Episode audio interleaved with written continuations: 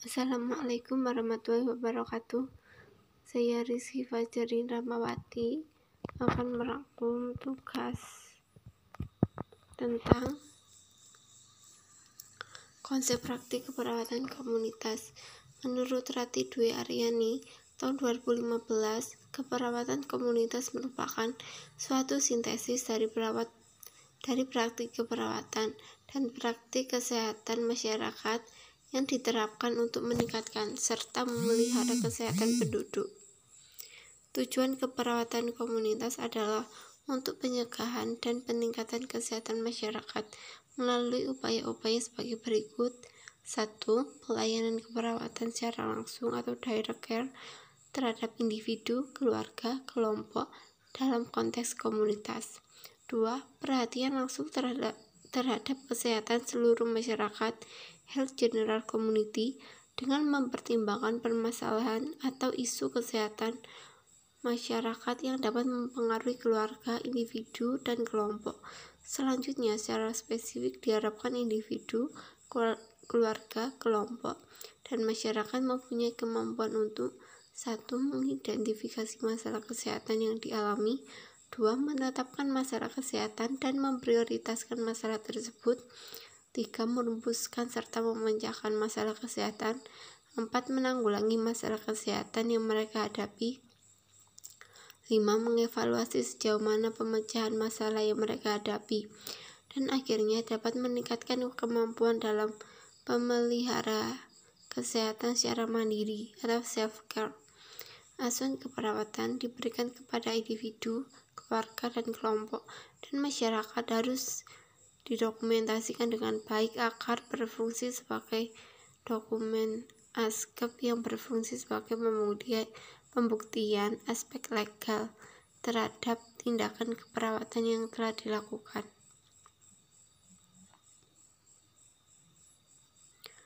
Proses keperawatan kasus resiko atau yang memerlukan tindak lanjut kepada keluarga di rumah. Dua dokumentasi terkait hasil pengkajian awal terapi yang telah diberikan dan rencana tindak lanjut di keluarga diserahkan kepada perawat yang akan melakukan askep keluarga lalu tindak lanjut askep keluarga di rumah atau masyarakat pengembangan askep keluarga minimal satu kali per minggu Menurut Friedman tahun 1998, Hanson dan Point tahun 1996 dan Homhers dan Galper tahun 2004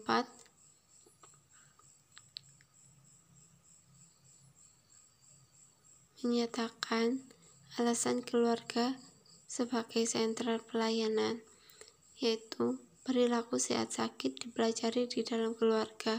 Keluarga sebagai sumber kritikal untuk pemberian yang kesehatan di fungsi apa pun atau sakit, cedera, atau perpisahan dan lain-lain berdampak terhadap satu atau lebih keluarga, anggota keluarga atau keseluruhan keluarga. Pengkajian keperawatan proses pengumpulan data tentang struktur keluarga, hubungan, serta interaksi antara anggota keluarga, individu dalam keluarga. Proses yang terus-menerus bertujuan untuk menetapkan diagnosa keperawatan.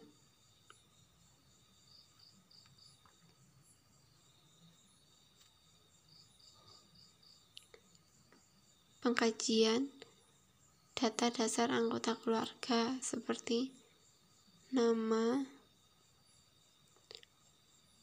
umur, hub kakak, pendidikan, pekerjaan, status gizi seperti TB, BB, BMI.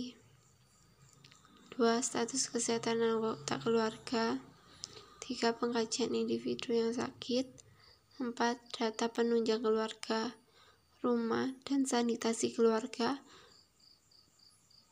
seperti ventilasi, pencahayaan, saluran limbah, sumber air bersih, jamban, dan tempat sampah.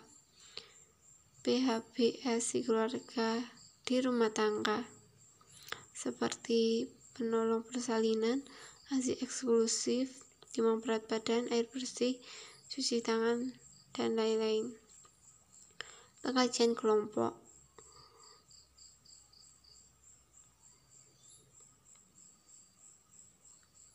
Satu Data dasar anggota kelompok.